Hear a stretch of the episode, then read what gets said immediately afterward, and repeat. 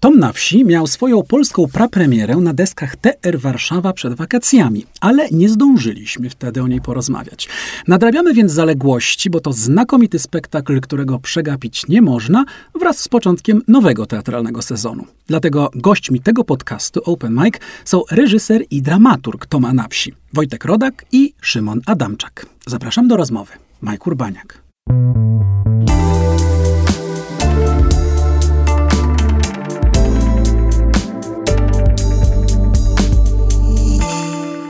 E, witam serdecznie zapowiedzianych gości, czyli e, Wojtka Rodaka i Szymona Adamczaka. Dzień dobry panowie. Dzień dobry, cześć. Dzień dobry. A co tak nieśmiało? cześć. Jak się macie, powiedzcie, wraz z rozpoczynającym się za chwilę nowym e, sezonem. Nagrywamy z końcem sierpnia, e, więc szykujecie się na powrót ze spektaklem na deski TR Warszawa, ale będziemy wyemitowani pewnie nieco później, ale spektakl będzie oczywiście grany przez cały sezon, więc co, zwarci gotowi? Cieszycie się na powrót do, ciemnego pomiesz- do ciemnych pomieszczeń rozsianych po terytorium Polski? Tak, jesteśmy, ja jestem już trochę zmęczony, bo też jestem w procesie w innym, w innym teatrze, więc jakby wakacje się już dla mnie dawno skończyły mm-hmm. i sezon trochę się zaczął już też dawno. I to jest e, no, Teatr Nowy w Łodzi? Tak, Teatr Nowy w Łodzi. Mm-hmm. Tak, ja też już pracuję dalej te, w tym momencie w Komunie Warszawa, e, ale przyznam też, że tam jest też takim jednym z tych ukochanych dzieci teatralnych, więc jestem przy każdym secie, choć na stałe w Warszawie nie mieszkam. Więc przed nami sześć spektakli. Mhm. Czyli wy po prostu już y, chłopaki pracujące, krótko mówiąc. Non stop. No ale co, cieszycie się na powrót Toma do TR-u? To jest radość wielka zawsze rodziców, kiedy spektakl wraca na afisz, czy o Jezu, znowu? Tak, cieszymy się chyba też dlatego, że, y, że, że trochę tych spektakli z, z, różnych okoliczności nam przypadło, więc teraz po prostu nadrabiamy i, i cieszymy się, że, że widzowie będą mogli zobaczyć. Po, poza tym e, też e, Tom e, premierował też tuż przed Pride'em. Potem graliśmy też set czerwcowy, więc to też jest ciekawe, jak się spektakl sprawdzi i będzie działać już w takim posezonowym, tutaj naszym po, pokójowym e, momencie. Pokójowym roku, a co w czerwcu inaczej się ogląda, w czerwcu inaczej, inna jest widownia, w czerwcu inaczej się ogląda, w czerwcu inna jest energia. Ale my, to myślę, że do pewnego stopnia tak. Na przykład na, z tego, co, się, co słyszałem na jednym ze spektaklu, chyba bodaj czerwcowym, mieliśmy o, o, osoby, queerowe osoby sportowe w liczbie 80. Sportowe osoby? Ale to, była, to, była jakaś, to było wiele drużyn. Tak, że jakiś klub sportowy po prostu e, gejowski wykupił e, miejsce. Nie? I Naprawdę? też jakby osoby Świetnie. tutaj, a nie heteronormatywne, bardzo chętnie przychodzą na ten spektakl i jakby to ten spektakl jest przede wszystkim dla nich. Ja widziałem e, jako osoba nieheteronormatywna ten nieheteronormatywny tłumek na widowni. Rzeczywiście ze trzy osoby hetero na pierwszy rzut oka mm, bym, byśmy może doliczyli. Powiedziałeś, że to, powiedziałeś, że to jest spektakl przede wszystkim dla osób y, queerowych, nieheteronormatywnych. Dlaczego przede wszystkim dla nich? Myślę, że dlatego, że w samym procesie pracy i sam, i sam dobór tego tekstu przez e, Wojtka jest też właśnie o tym. Chcieliśmy jakby z takiej nieco, można powiedzieć, właśnie wyemancypowanej perspektywy po prostu wziąć e, ten temat e, no, z całym dobrodziejstwem inwentarza, jakby tam wkładając też to swoją wrażliwość i, e, i doświadczenia, więc e, wydaje mi się też takie precyzyjne, czy precyzyjniejsze jakby sytuowanie, jakby dla kogo jest ten spektakl, e, też zmienia trochę perspektywę i pozwala, pozwala na przykład tej, nie wiem, cichej większości poczuć się trochę inaczej, oglądając mm -hmm. na przykład historię e, młodego geja, który umiera partner e, i który przeżywa żałobę. -hmm. Tak, też przy, przy, tej produkcji pracowało więcej nienormatywnych osób niż hetero, nie, mm -hmm. więcej nie, hetero, nienormatywnych osób niż normatywnych, więc to też jakby e, e, wydaje mi się w tym przekazie e, widać. To o to jeszcze to, o to chciałem cię zapytać, wynotowałem sobie to pytanie, bo zauważyłem tę te, reprezentację queerową, jeżeli chodzi o realizatorów, realizatorki tego spektaklu, ale zaciekawiło mnie to, Szymon, co powiedziałeś o tym, o tym takim stargetowaniu i tego, że to jest dla osób queer, bo, bo chyba zwykle kiedy twórcy robią jakiś spektakl, no to właśnie mówią, że to jest spektakl dla wszystkich, prawda? To, no bo to jest, ta osoba to z tego wyciągnie, ta to, ta tamto, to jest dla wszystkich. To jest oczywiście też taka odpowiedź, której pewnie, nie wiem, spece od marketingu i PR-u bardzo nie lubią najpewniej. W dzisiejszych czasach wszystko jest targetowane. To jest ciekawe bardzo, że, mm, że myśleliście mm, o tej bardzo konkretnej grupie, że nie powiedzieliście, że to jest spektakl dla wszystkich, to jest spektakl dla osób queer, to jest spektakl dla rodziców takich osób, no bo takie, odpowie takie odpowiedzi mógłbym się spodziewać na przykład, nie? a jednak ona nie padła. Rozwiniemy ten wątek, bo on jest ciekawy. W perspektywie tego, że ten tekst jest dość czytelny i przejrzysty, wydaje nam się, że, że w pewnym sensie ten spektakl i tak jest jakby dla, szereg, dla szerokiego mhm. grona e, odbiorców. Nikt zakazu nie ma. Tak, wstępu. i on jest mhm. w, miarę zrozumiały i czytelny, ale rzeczywiście w pewnych e, znaczeniach, czy, czy w jakimś takim e, projektowaniu sobie osoby, która, na, która ten, e, jest tym widzem idealnym dla nas, rzeczywiście sobie wyobrażaliśmy te osoby nieheteronormatywne i, i pod to trochę właściwie przygotowywaliśmy ten, ten spektakl. Nie? To mm, zacznijmy od początku. To, będzie, to, to jest ten kontrowersyjny moment e, w naszej rozmowie. Jak wyście właściwie, jak, jak żeście się właściwie e, poznali, czy też zadecydowali, że chcecie pracować wspólnie nad nad tym spektaklem, bo tak, może po, bo powiedzielibyśmy osobom, które nas słuchają, które niekoniecznie są super zorientowane w świecie teatralnym, że Wojtek, właściwie Wojtku, ty kończysz, prawda, e, Akademię Sztuk tak, Teatralnych, tak, reżyserii. Został mi jeszcze jeden rok e, studiowania w Krakowie na Akademii Sztuk Teatralnych. E, możliwość zrobienia spektaklu w teatrze to jest nagroda, tak zwany debiut TR-u, na forum młodej na reżyserii, forum gdzie, gdzie kończący szkołę reżyserzy, reżyserki pokazują swoje spektakle.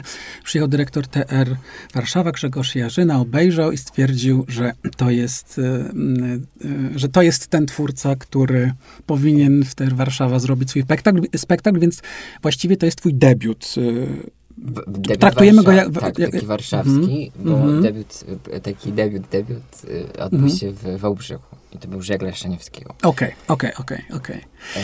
A, a, a Szymon, nieco z większym dorobkiem teatralnym. To Szymon już 10 lat w zawodzie. Szymon 10 lat w zawodzie. Prawie 10 lat.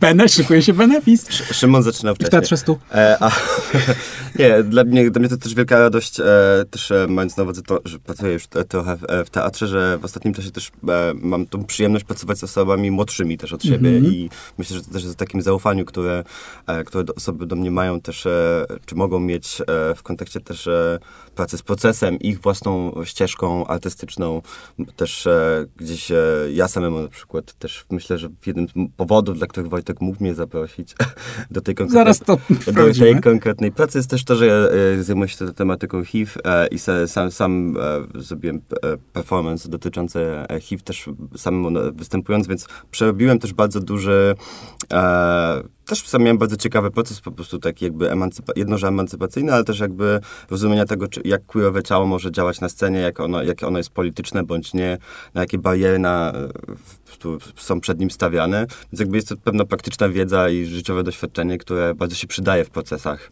na przykład dotyczących właśnie e, trudniejszych spraw. I, tu, myślę, że też to opowiada wcale nie nie, nie, nie prostym doświadczeniu. Mhm. No i jesteś właściwie, przynajmniej ja tak zawsze, tak sobie myślę o tobie jako osobą, ty jesteś taką osobą właściwie gdzieś na granicy, no bo jesteś oczywiście w świecie teatralnym, byłeś dramaturgiem Narodowego Starego Teatru w Krakowie przez kilka lat, prawda? E, o ile moja starcza pamięć mnie jeszcze nie zawodzi, bo jestem oczywiście najstarszy tutaj w tym studiu, jak zawsze. E, ale też e, osobą, jesteś osobą, która w świecie sztuk wizualnych, w ogóle performansu funkcjonuje, więc jesteś takim właściwie nie, nie, dałoby cię, nie dałoby się wrzucić cię do jakiejś tak, jednej a, szuflady drogi. Ale gdzieś to właśnie ta, nie wiem, ta mo mozaikowość mojego doświadczenia zawodowego, mm -hmm. plus, nie wiem, też e, praca z aktywizmem, e, jakby, nie wiem, ja z teorią. Z teorią. Ja lubię, lubię ten płodozmian, mm -hmm. jakby to mm -hmm. też jest dla mnie ciekawe. Oczywiście bywa to też problematyczne, bo niełatwo, jakby wiele osób jakby nie jest w stanie zobaczyć sobie tej mojej ścieżki, czasem tylko ja ją widzę, mhm. e, ale z drugiej strony jakby jest to, no nie wiem, myślę, że mnie to napędza i bardzo to jest też taki sposób na, na bycie. No jak to było z tym, z tym zaproszeniem do pracy, e, Wojtku? No więc e, ja e, z Szymona chciałam już ściągnąć do Polski, do pracy właśnie w Wałbrzychu przy swoim debiucie, ale wtedy rzeczywiście trochę czasowo się to nie udało zgrać. E, no bo jednak to jest dość duże przedsięwzięcie tutaj sprowadzać realizat, współrealizatorów e, z zagranicy. Mhm. E, No tutaj w Warszawie było Co też to... jest świetne, przepraszam, bo jakby też pokazuje, że polscy twórcy, twórczynie się cudownie też rozpierzchli po różnych miejscach. Europy. Super. Absolutnie. Mhm. To też nie jest do końca, wiecie, to też jest jakby, myślę, efekt ostatnich siedmiu lat. Czyli pod przymusem rozpierzchli się pod przymusem. Niekoniecznie pod przymusem, powiedzieć? ale rzeczywiście dużo się Mhm. zmieniło w polskim teatrze w ostatnich latach. Są osoby, które wyjechały z własnej woli, są osoby, Tak. które zostały przymuszane sytuacją po- społeczno-polityczną, żeby rezydować w Amsterdamie, Berlinie czy jeszcze w innych ośrodkach. To może na tym, na tym postawmy kropkę. No i... I, i, I rzeczywiście, y, jak y, już wiedziałem, że będę pracował w terze y, i też wiedziałem nad jakim tematem i że to będzie prawdopodobnie właśnie tekst y, Boucharda, no to stwierdziłem, że y, tutaj potrzebuję osoby, która rzeczywiście no tekst jest napisany, więc jakby te, tekst nowy nie powstanie, ale potrzebuję kogoś, kto rzeczywiście przede wszystkim y, jest w stanie też pomóc w pewnym procesie i przeprowadzić ten proces, a Szymon trochę też tak pra, pracuje, też feedbackuje e, queerowe tematy, więc Mhm. jakby właściwie od razu wiedziałem, że, że, że chciałbym Szymona zaprosić. No i tutaj się akurat i czasowo, i finansowo to po prostu jakoś udało e, zorganizować. Także właściwie tak to. Tak Mhm. to Czyli ty już wiedziałeś, y, co będziesz robił. To znaczy, że to będzie y, Thomas Laferme właśnie Boucharda. Tak, jakby to, to właściwie w, w, w ramach debiutu w TR-u to trochę od nas zależy. Mamy dużą taką do, do, dowolność w wyboru tematów. Oczywiście on musi y, zostać zaakceptowany, ale Mhm. rzeczywiście jakoś dyrekcja TR-u bardzo y, właściwie od razu się zgodziła na ten temat i ten tekst. Mhm. tak Ale ty też chciałeś go robić od lat po prostu. Tak, no, To jest ciekawe. tak, Nie to tak jest- od wielu lat, bo on ma 10, ale słuchajcie, no bo właśnie przypis może. y, y, y, Michel y, Marc Bouchard to jest kanadyjski dramatopisarz, który no od 40 już bodaj lat y, pisze y, swoje teksty. Człowiek utytułowany, człowiek z bardzo dużą pozycją w, w anglosaskim, no przede wszystkim y, świecie y, dramaturgicznym. I y, ten tekst, czyli Tom na wsi, bo to jest jego polski tytuł, napisał dekadę temu mniej więcej. I zresztą zaraz chyba jak on go napisał, to właściwie Xavier Dolan zaczął pracować nad filmem mm, w, pod tym samym tytułem, y, w którym, oczywiście, który reżyserował, w którym grał i który razem z Bouchardem napisał jakby scenariusz, czyli ad, ad- adaptację właściwie te, telewizyjną tego tekstu.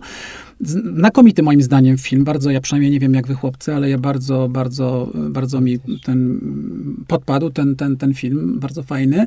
Spektakl jest w ogóle inny, to jest też bardzo ciekawe. Myślę, dla kogoś, kto widział film, a pewnie dużo osób widziało film, zanim wybrało się do teru, to jest ciekawe też mm, spotkanie z zupełnie in- innym widzeniem tekstu, bardzo to jest fajne.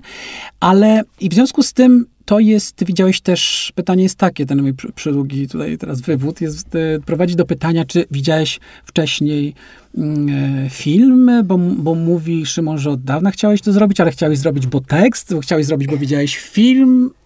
Y, y, Rzeczywiście widziałem film i ten film widziałem właściwie tuż po polskiej premierze, czyli to było naprawdę chyba 9, 9 lat Tak, temu. no jakaś dekada birazu oko E, będzie. I, Mhm. I oczywiście wtedy jeszcze w ogóle się nie interesowałam teatrem tak zawodowo i, i wiedziałem, że po prostu ten, ten film jakoś na mnie mocno zadziałał. I później jakoś, jak już się zacząłem tym teatrem zajmować, to tak wróciłem do, do, do, do, do tego, że, że rzeczywiście ten film powstał na, na bazie tekstu dramatycznego. I jakoś wygrzebałem ten tekst y, y, po angielsku i go sobie przeczytałem Mhm. i stwierdziłem, że, no, że to jest jakiś bardzo dobry materiał do pracy. Mm, I tego sobie w sercu i nosiłeś. tak sobie nosiłem i tak właśnie. y, Ja, ja, ja, ja, mam, ja mam mało takich, jakichś takich tekstów, które gdzieś tam noszę, albo pomysłów, które tak noszę od długiego czasu, a rzeczywiście to był taki, e, taki tekst, więc trochę się cieszę, no bo jakieś to powiedzmy teatralne marzenie się spełniło. Wojtek, myślę, że miał w ogóle też świetną intuicję do tego tekstu, bo w samym tym roku jest jakaś taka długa... Po tym, jak ten dramat został wydany, to było kilka wystawień, nie? Mhm. I, I cisza. Potem jakby nagle wchodził jakby w, w Europę ten Edouard Louis i wszędzie się wystawia Edouarda Louis. A nagle w tym roku tego Boucharda, to konkretnie Toma na wsi, wystawiono chyba sześć, w różnych sześciu krajach. Jest w Avignon, program, był w programie Avignonu w tym roku.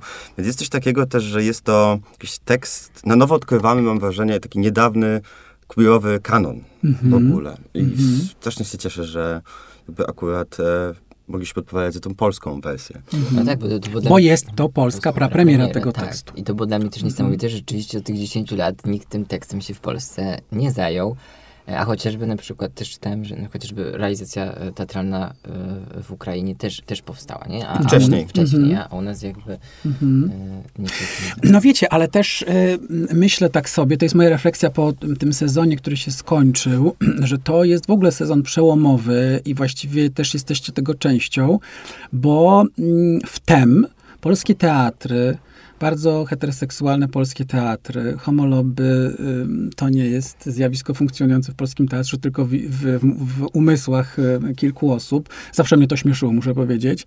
Jednak to są w większości konserwatywne instytucje prowadzone zwykle przez starszych heteroseksualnych mężczyzn. Więc zawsze mnie to homoloby y, śmieszyło, ale w tym sezonie, co żeście również z pewnością odnotowali, mieliśmy kilkanaście właściwie premier, które moglibyśmy nazwać queerowymi spektaklami. E, Od Szczecina do Krakowa em, te spektakle powstają i w Gdańsku, i w Bydgoszczy, i w Poznaniu, i właśnie w, i w Warszawie. E, I w pewnym momencie już nie nadążałem naprawdę z, z, z objeżdżaniem, bo chciałem je wszystkie zobaczyć, z objeżdżaniem tych, tych, tych spektakli. Też one nie są super często oczywiście grane, jak wszystkie inne w polskim teatrze, raz na trzy miesiące. Ale, ale no, jakiś boom, ma, ma, ma, mały wybuch przynajmniej em, nastąpił. Myślicie, że to jest spowodowane czym? To jest spowodowane no, sytuacją, powiedziałbym, społeczno-polityczną w Polsce, chociaż ona trwa przecież nie od, y, nie w tym roku, nie dwa lata, ale kilka lat, y, z takim przebudzeniem queerowej społeczności. Parady są po prostu w co drugim y, dzisiaj niewielkim, nawet średniej wielkości mieście, z jakąś emancypacją zauważalną wśród młodych osób queerowych. Z, z czym? Gdzie, gdzie, gdzie, gdzie szukacie przyczyny tego i czy, czy tak czujecie, że jesteście tego częścią, czy nie naciągamy tutaj Gumek, ja, gumki w gaciach? ja może zacznę od tego, że mnie też bardzo rozbawiło, że jeden z krytyków teatralnych nazwał ten sezonem jeden z najsłabszych od lat. O, może dlatego. Może dokładnie dlatego, nie? Za dużo, za dużo osób nie heteronormatywnych na scenie. Znaczy ja o czym sobie myślę, oczywiście z z jednej strony też jest, jest pewna też zmiana pokoleniowa w polskim teatrze Mhm. i w ogóle też nie wiem, czy w społecznościach queerowych mamy inne młodsze osoby, które dochodzą do głosu, działają inaczej. Wszyscy... Wojtek Rodak, patrz Wojtek Wojtek. Rodak. Ale to też jest kwestia, nie wiem, właśnie tego, tych przemian obyczajowych, czy jakby dostępu Netflixów, platform streamingowych, Mhm. tego, co jakby, Mhm. co jest, e, to, co ludzie właściwie oglądają dzisiaj, nie? I jakby coś takiego też było takie, że mam wrażenie, takim obyczajowym, e, w oby- obyczajowej warstwie te polskie teatry były mocno do tyłu. Wydaje mi się też, że zaczyna się zmieniać w ogóle ta koncepcja jednak reprezentacji, nie? Kto mu, Mhm. jakby mam wrażenie, że jak poprzednie sezony jeszcze były tym momentem, że to głównie jakby heteronormatywni artyści włączali te tematy właśnie queerowe, żeby z jednej strony też utrzymać nieco swoją jakoś taką ważność czy świeżość, mam wrażenie. E, więc teraz Mhm, jakby zmienia się mhm. coś takiego też, że właśnie te osoby nieheteronormatywne chcą swoimi językami, swoją wrażliwością e, patrzeć na świat i teatr jest jednym z tych narzędzi, które mogą to robić. I ostatnie, co mi się wydaje, jest też takie, że no zwyczajnie jakby to są jakby historie, które są po prostu do opowiedzenia i one się tliły i, e, i to jest najwyższy czas. Mhm. Tak, ja się zgadzam z Szymonem, że, że w przypadku akurat moim to było tak, że no ja ten, powiedzmy, ten temat nosiłem jakby długo, nie? To nie jest tak, że nagle po prostu Biorąc pod uwagę rok, którym się urodziłeś, no od urodzenia, Wojtek, nie oszukujmy się. z myślałem, że będzie jakby teraz czas właśnie, e, żeby te, te tematy eksplorować, ale wydaje mi się, że po prostu no i, i, i dyrektorzy i, i artyści zauważyli, że trochę się już nie da pomijać tych tematów, nie? Po prostu ja już Mhm. tak naprawdę, przez to, że właśnie jak Szymon wspomniał, chociażby na, na, w tych Netflix, Netflixowych e, produkcjach właściwie nas zalewają, to trochę jakby rzeczywiście to jest taka zmiana, której sobie wszyscy zdajemy Mhm. sprawę i która jest właśnie już nie do zatrzymania, nie? I, mm, i wydaje I mi się, że to nie jest e, środowiskowa rzecz, nie? Tak. Bo to, to Mm. mi też przyszło do głowy, bo ja naprawdę to słyszałem, no lata, trzy lata temu, kiedy, kiedy tam z- próbowałem zarzucać e, jednemu czy drugiemu teatrowi jakieś queerowe tematy, naprawdę to słyszałem. To znaczy, że to jest środowiskowe, my nie możemy, kto to będzie, kto będzie oglądał, kto będzie to przychodził, jak środowiskowe, jakieś o gejach czy o lesbijkach, no, to, no, no wiecie, rozumicie, nie? I chyba też takie mam poczucie, trochę wychodzimy też z tego, to znaczy, że w tych instytucjach też dano sobie sprawę, że nie jest środowiskowe, że nie jest nisza, y, że to, że to jest temat, który dotyczy mm, bardzo dużej ilości osób. Tak, inną rzeczą też jest to, że na przykład pracując nad tomem, my też mieliśmy świadomość, że tekst Buszalda jednak jest tekstem sprzed 10 lat, nie? Że tak Mhm. myśląc sobie na Polskę dzisiaj, po, dość, nie wiem, po Białystokach i, dość, i kampanii prezydenckiej Dudy i tak dalej, tym, że mamy w końcu w, dyskursie i w mediach osoby niebinarne, my też na przykład jako osoby e, cisowe tutaj, e, mamy świadomość tego, że na przykład literka G miała różne inne uprzywilejowania w kontekście reszty alfabetu Mhm. queerowego i też na przykład staramy się w tym spektaklu to jakoś tematyzować, czy mieć na to w ogóle uwagę, nie? Też pokazywać właśnie, że ta społeczność jest różnorodna, są w niej różne głosy, a jedni mieli więcej do powiedzenia, mogli mieć więcej jakby platform, że tak że do wyrażenia się, a inni mniej. Stąd na przykład też zdecydowaliśmy się włączyć e, pamiętniki e, z książki Cała siła, jaką czerpie na życie, e, żeby pokazać, przepięknej, to dodajmy tylko przepięknie, przepięknie wydanej książki.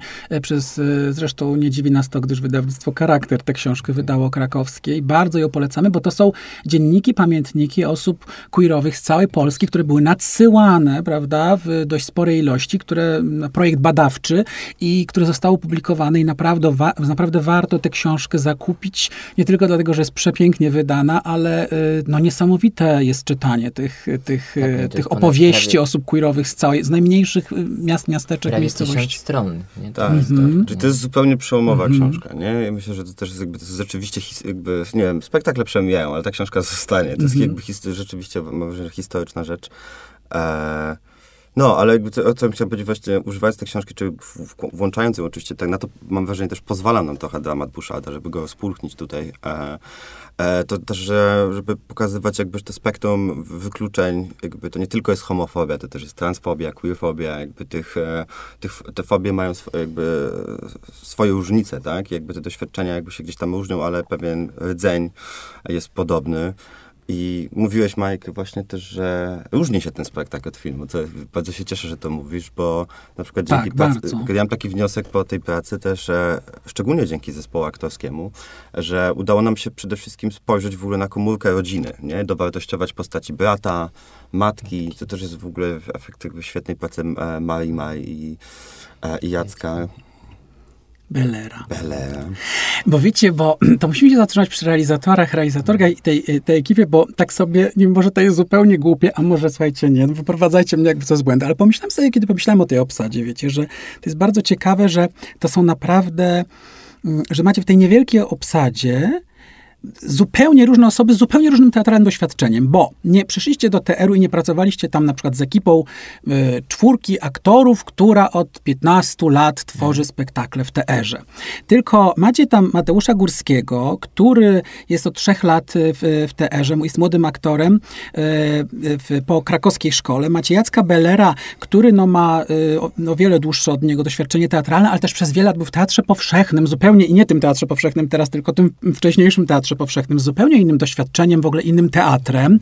E, macie Marię Maj, e, matronkę e, TR Warszawa, aktorkę, którą kocham miłością największą, która niemal 30 lat e, jest w zespole TR Warszawa czy Teatru Rozmaitości. Macie Izabelę Dudziak, która jest z kolei po Łodzi e, i, i też jest właściwie chyba od tego roku właściwie w zespole TR-u. I bardzo mnie to zaciekawiło, muszę wam powiedzieć, że naprawdę każdy jakby z, z innego trochę świata i wyście ich zebrali do tego spektaklu. Czy to jest utrudnienie, bo są tacy, którzy uważają, że lepiej pracować z takim zespołem właśnie, który z niejednego pieca jadł, że rozumieją się w lot. To też jest inna po prostu energia pracy, prawda, z taką, z taką grupą aktorów.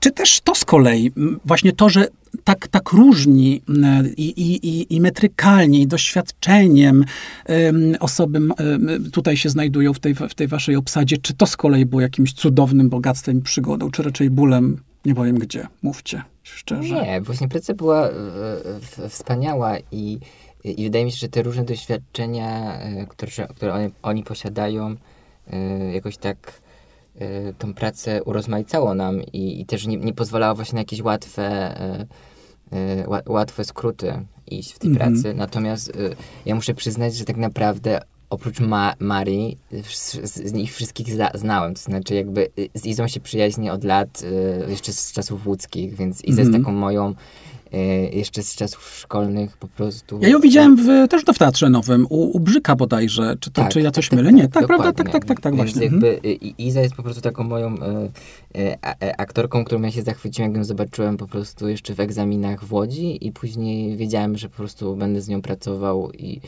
i w chyba dwóch moich egzaminach w szkole e, teatralnej Mhm, jeszcze, jeszcze mhm. sobie dopracowała, ją ściągałam specjalnie do Krakowa.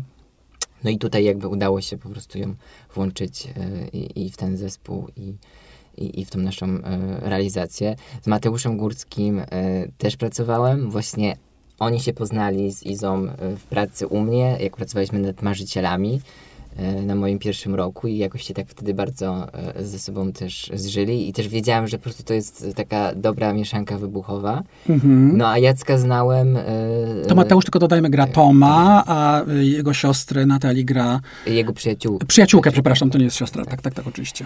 E, Mhm. Natomiast Jacka, e, z Jackiem pracowałem w Teatrze Powszechnym, jak pracowaliśmy nad Neronem Wiktora Rubina, Mhm. no więc jakby Jacka też Widziałem, w w ten sposób... e, A bo ty byłeś asystentem wtedy. Tak, byłem Mhm. Teraz mi się moja tutaj pamięć wraca, wraca, moja pamięć wraca. Mhm. E, Więc Jacka też w jakiś sposób znałem z pracy, no i tylko właściwie Marię znałem z opowieści. I co to były za opowieści? E, Same wspaniałe, więc jakby musieliśmy tylko przekonać Marię, bo to było też ciekawe, że Mhm. rzeczywiście e, Maria trochę była, miała taki intensywny czas pracy i, i teatralnej i, i, i też jakby film, ba- bardziej też filmowej i po prostu tak, tak e, miała też jakieś tam e, zdrowotne różne sytuacje i nie wiedziała, czy będzie w stanie wziąć udział w tym projekcie. Mhm. No ale po prostu ja e, trochę sobie nie wyobrażałem, żeby, Że to będzie żeby, ktoś inny. żeby, żeby jej nie było. Mhm. E, I udało mi się ją przekonać.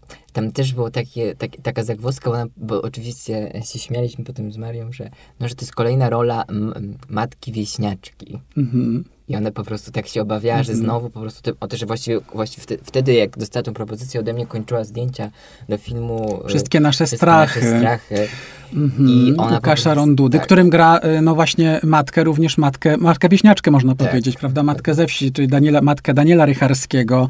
Y, Zresztą jakże, wspaniale! To trzeba od razu No również właśnie. powiedzieć, że ja kocham, ja kocham tę rolę. To jest wspaniała rola, w tym zresztą bardzo fajnym filmie. Tak, Mhm. więc jakby ona miała tak trochę, że kurczę, nie wie, czy nie wchodzi w te same Mhm. buty, Mhm. ale udało mi się jakby... To jest zrozumiała obawa każdego aktora i I- aktorki, nie? Ale udało mi się przekonać i zapewnić, że no nie, że będzie tutaj zupełnie inaczej. I jakby rzeczywiście po tej Mhm. pracy przyznała, że no to była zupełnie jakby taka praca, której też dla niej jest jakby ważna, e, że ona też musiała zrozumieć jakby zupełnie e, osobę, która jest od niej gdzieś, gdzieś bardzo daleko. A co ja mogę tu dopowiedzieć, to, to no cóż, no Wojtek ma talent do doboru, doboru tutaj jakby w- współpracowników. No dobrał ciebie. Nie, ale świetnie, to było naprawdę, ja miałem jakby, to dla mnie było też bardzo Mhm. ciekawe w tym procesie, nie? że jakby Wojtek miał bardzo jakby dobrze już wiedział jakby z jakimi oso- ja, jakie, jakby kto gra kogo, jakby komu, Mhm. komu tę rolę oddaje, jakby dla mnie to też było fajne, że jakby też e, nie musiałem, nie, nie trzeba było z tym negocjować, nie? Jakby to było jakieś coś Mhm. fajnego po prostu na dzień dobry e, w tym procesie. Dla mnie też było ciekawe oczywiście to, że na przykład, nie wiem, Maja Maj też jakby sama e, niesie ze sobą właśnie wiele dekad doświadczenia właśnie e, teatralnego, ale też doświadczenia pracy z osobami nieheteronormatywnymi, z różnymi reżyserami, reżyserkami, twórcami na przestrzeni lat, więc to niesamowite doświadczenie też bardzo... I to też takich pionierskich bardzo Tak, spektakli w tej materii. nie? Dokładnie, więc to, to też bardzo zagrało i też było jakimś takim punktem wspólnym, więc też ta historia, takie różne historie też e, e, gdzieś tam na przykład się tliły, nie? Mieliśmy też taki bardzo mocne, jakby takie też próby, e, że mogę się tym podzielić też, nie wiem, przecież te, tematem spektaklu jest, jest, mamy spektakle pogrzeb, nie? Więc wie, każdy z nas jakby miał jakąś historię właśnie e, nie wiem, doświadczenia jakby wykluczenia osob, osoby nieheteronormatywnej w kontekście właśnie pogrzebowym, nie? Mhm. e, czy, czy właśnie osób, które właśnie zawodowo związanych z statem, czy nie. Więc e, zbudowaliśmy też to wspólnotę doświadczenia i też e, oczywiście każde z nich miało pewne inne narzędzia i środki i jasne, że mogłoby być to wszystko nieco inne, e, ale z drugiej strony właśnie tak, ta różnorodność też e, podejść dała nam też no, pozwala nam też e, jakby być bardziej krytycznymi w ogóle też, co produkujemy, nie? I jak Mhm. produkujemy. Mhm. A Więc myślę, że, że tak. Że tak. No i ta ekipa realizatorska też bardzo queerowa. Wspomnieliśmy o tym. Ym, Ty wspomniałeś też, Szymon, o tej reprezentacji. Mnie to ciekawi, bo teraz, wiecie, jest... Nie tak dawno czytałem o, o ym, wspaniałym aktorze pod tytułem Tom Hanks. Który, a może nawet go widziałem gdzieś na YouTubie w jakimś programie, który mówi, że właściwie, no niemalże przepraszał za to, że zagrał w Filadelfii. No w filmie, myślę, niezwykle ważnym, y, absolutnie. Też poddanym krytyce queerowej bardzo ciekawej, to swoją drogą, ale no myślę, że niezwykle ważnym i bardzo odważnym. I wtedy, kiedy on grał umierającego na AIDS geja, ten kochany przez Amerykę Tom Hanks, to był, to był akt odwagi, jego też odwagi, że on, że on gra w tym filmie i że to jest ważne, że on też decyduje się na taką rolę. Dzisiaj coraz częściej krytykuje się osoby, no właśnie heteronormatywne zagranie. Na przykład Redmayne również y, jest krytykowany za, przecież za swoją... Jaki to był tytuł? Nie, pamięta, nie pamiętam teraz, jaki to był tytuł tego filmu. No nic, może mi się zaraz przypomni. Wiecie, wiecie o którym filmie mówię. Tak, tak. Eddie Redmayne, on, e, on grał e, transpłciową e, kobietę. E, dobrze, do, niech osoby, które nas słuchają, sobie wygooglują. E, zaraz nam się przypomni, bo zaraz nam się przypomni. Dajmy sobie chwilę, panowie. Portret, portret, portret. Nie. Kobieta z portretu, coś takiego. Kobieta z portretu. Być może to jest tak, coś, być może jest, to jest ten tytuł. Proszę nam wybaczyć naszą słabą pamięć i sobie zgooglować, ale w każdym razie to zaczyna funkcjonować dzisiaj, to jest bardzo ciekawe. On dzisiaj powiedział, żeby nie zagrał tej roli Tak. Która wtedy była wielkim wyzwaniem i za którą on naprawdę dostał y, du- dużo nagród i świetnych tekstów o niej napisano. E, Dzisiaj mówi, żeby tego nie zrobił. Czy, czy, czy wy uważacie, że kiedy mm, tworzy się queerowe przedsięwzięcia artystyczne, to, to trzeba się trzymać właśnie tego, że nie wiem, queerowe postaci grane są przez queerowe osoby. Bill Mayer mówi, że, ym, że, że to jest obusieczna broń, bo myślę, powiedział, ciekawy punkt widzenia, powiedział, że chyba osoby, na przykład transpłciowe aktorki nie chciałyby chyba grać dostawać tylko ról transpłciowych aktorek. To jest ciekawe. Myślę, że by nie chciały, bo to jest, bo byłoby to ometkowanie, no i nikt nie chciałby grać jednej roli do końca życia, prawda? Co wy o tym uważacie? E, Czy to jest kwestia proporcji? No bo przecież nie składa się wasze, wasze dzieło wyłącznie z nieheteronormatywnych osób, prawda? Y, Ale jest ich dużo. To jest kwestia proporcji, czy trzeba pilnować tego, że, że, że queerowe role grają queerowe osoby, czy popadamy tutaj w jakiś taki niezdrowy radykalizm w tej materii? Jakie macie przemyślenia? Też biorąc pod uwagę pracę nad tym spektaklem, powiedzcie. Wiesz, ja mam coś takiego, że oczywiście chyba nie chcę być aż tak radykalny i mówić, że tak powinno być, czy tak nie powinno być. Ja na przykład y, swojej praktyki y, reżyserskiej tak sobie założyłem, że chciałbym, żeby mniej więcej tak te prace wyglądały. To znaczy, że rzeczywiście jak bardzo się da, żeby te osoby nieheteronormatywne włączać w procesy. E, oczywiście w, w przypadku obsad jest to, e, jakby zazwyczaj się wchodzi do teatru, gdzie jest jakaś zamknięta pula osób i, i nie zawsze w każdym teatrze da się zrobić tak, żeby po prostu w twojej obsadzie wylądowała, dajmy na to, nieheteronormatywna osoba. E, Ale gdzieś, gdzieś, gdzieś, gdzieś mi na to zależy. Ja w, w, na trzecim roku studiów e, na, na egzamin u Michała Borczucha robiłem taki performance o teatrze gajowskim i tam wywiesiłem takim akcie performatywnym na drzwiach Starego Teatru 10 takich punktów teatru gejowskiego i rzeczywiście tam obliczałem, jaka powinna być proporcja I co, jakie obliczenia? Co ci wyszło z tych obliczeń? chyba, się chyba połowa rzeczywiście, e, e, e, jeśli, Mhm. jeśli zajmujesz się tematem, to muszą to być osoby przynajmniej w połowie Mhm. jakby Mhm. nieheteronormatywne i realizatorzy również. Nie? I rzeczywiście jakby tak sobie pomyślałem, że mm, oczywiście to, to, to, to, było, to, było, to było z takim przymrużeniem oka, ale rzeczywiście potem sobie pomyślałem, że to jest taka zasada, którą, e, którą gdzieś tam ch chciałbym, chciałbym się jej trzymać, jeśli na to po pozwolą okoliczności. I wydaje mi się, że właśnie e, e, ta, ta praca nad tomem mm, sobie tak założyłem, że tak, to jest ta pierwsza praca, którą rzeczywiście chciałbym według tych zasad poprowadzić i, i też dla takiego pełnego doświadczenia i, i, i, i, i właściwie zrozumienia i tego tematu i też wyrażenia się przez właściwie wszystkich e, współrealizatorów w tych tematach.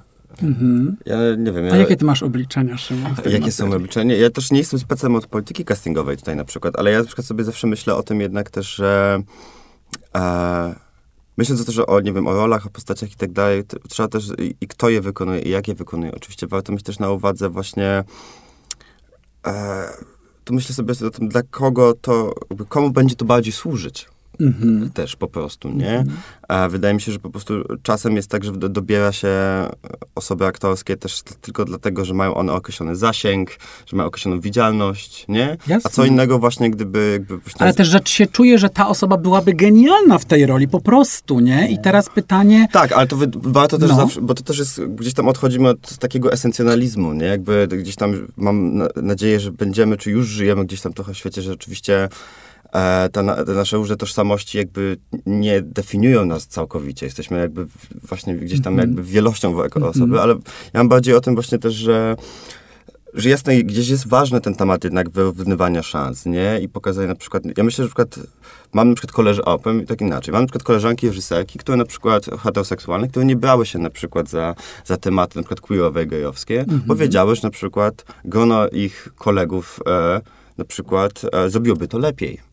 I, to, nie? Ja, właśnie, ja to rozumiem, tylko ja mam wątpliwości. Myślę, że grono to by zrobiło to inaczej. Tak, Ale czy to by to było lepsze właśnie, słowo. nie, to, czy to by było lepsze, nie wiem. Ja, ja, ja, ja mam takie poczucie, że trochę zmierzamy w ślepą uliczkę w tej materii, nie? Ale dlatego chciałam też was o to zapytać, bo to jest ciekawe, bo ja właściwie uważam, że bycie ortodoksem w tej materii jest bardzo niezdrowe, tak jak bycie ortodoksem w każdej.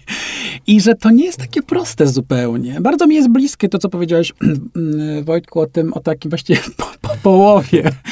E, oczywiście wiadomo, że to się może przesuwać, a można zrobić super queerową całą rzecz złożoną. Jak ja robiłem czytanie Normalnego Serca w Teatrze Polskim w Poznaniu, y, Ongiś, performatywne, to były tam same osoby na przykład queerowe, ale to było ważne też, żeby z z takich, a nie innych przyczyn, żeby one były. Ale Tak. ja bym się, wiecie, tego trzymał, że, że, to za, że, że, że geja zawsze musi zagrać gej?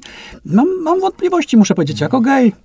Nie, ale może, może to jest jeszcze o czymś Mhm. innym, nie? Że jakby ujawniając też jakby te uwikłania jakby i te trudy, nie? Jakby Mhm. prezentacji i opowiadania o tym, po prostu też e, no, budujemy jakąś też bardziej równościową i wspólną rozmowę, nie? Jakby nawet jeżeli, nie wiem, osoba właśnie nie gejowska gra Mhm. gejowską, jakby to może ujawnić jakby trudności z tym związane, Mhm. tak? No I, jakby. I to jest produktywne i ciekawe. Tak, tak, co zresztą widać w tych e, nieudolnych spektaklach, e, już nie będę wymieniał tu nazwisk, ale ostatnio widziałem takich właśnie e, konserwatywnych hetero-reżyserów, którzy poczuli, że to jest ten czas, że też, że trzeba jakąś osobę queerową wrzucić do, jakąś postać do, do spektaklu, no i to było pokraczne, no, czy to było pokraczne, nawet nie da tego opisać, to, to właściwie nawet nie było śmieszne, to nie było śmieszne z cyklu, e, wiecie, farsa w, w teatrze e, Kwadrat e, 10 lat temu, tylko to po prostu jest no, no, okropne. No, no, okropnie się do dzisiaj ogląda w roku 2022 takie próby, nie? Więc to jest, to jest coś, coś okropnego.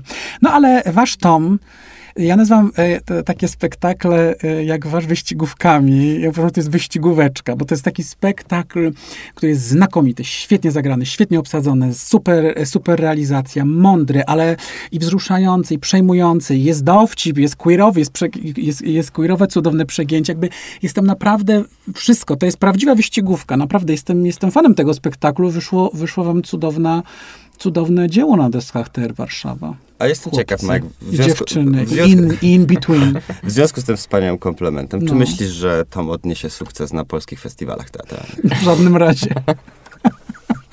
W żadnym razie. Słuchaj, nie mam pojęcia zielonego. Nie mam pojęcia, nie, mm, nie jestem psychologiem. Nie, Czy to odpowiedź satysfakcjonuje? Nie, bo mnie to bardzo ciekawi, nie? Że jakby jedno, że udaje się Tak, wyprodukować tak. taką pracę, ale Tak. czy, czy jak ta, jakie ta praca jakby zyska jakby zasięgi, czy zostanie doceniona i jak Mhm. przez kogo, jest dla mnie bardzo dużym pytaniem. Wiesz, to jest. y, y, y, Ja uważam, że absolutnie, że to jest. Bo są takie spektakle, o których my wręcz mówimy festiwalowe. To znaczy, i nie w złym nawet w złym znaczeniu tego słowa jakimś, tylko po prostu, że ogląda się spektakl i, so, i człowiek sobie myśli, kurczę, to pojedzie. Ja pamiętam, o, dziady Radka Rychcika z Teatru Nowego O, w tak. Poznaniu. Ja obejrzałem ten spektakl, pamiętam, wyszedłem z tego spektaklu, napisałem, ludzie, to jest hit, to jest hit, to objedzie wszystkie festiwale, zdobędzie wszystkie nagrody i naprawdę tak było. To się po prostu czuje. I ja uważam, że właśnie ten spektakl jest takim spektaklem, który mógłby z powodzeniem e, pojechać po prostu na wszelkie teatralne e, festiwale e, w Polsce i, i zdobywać laury i, i, i cieszyć widownię.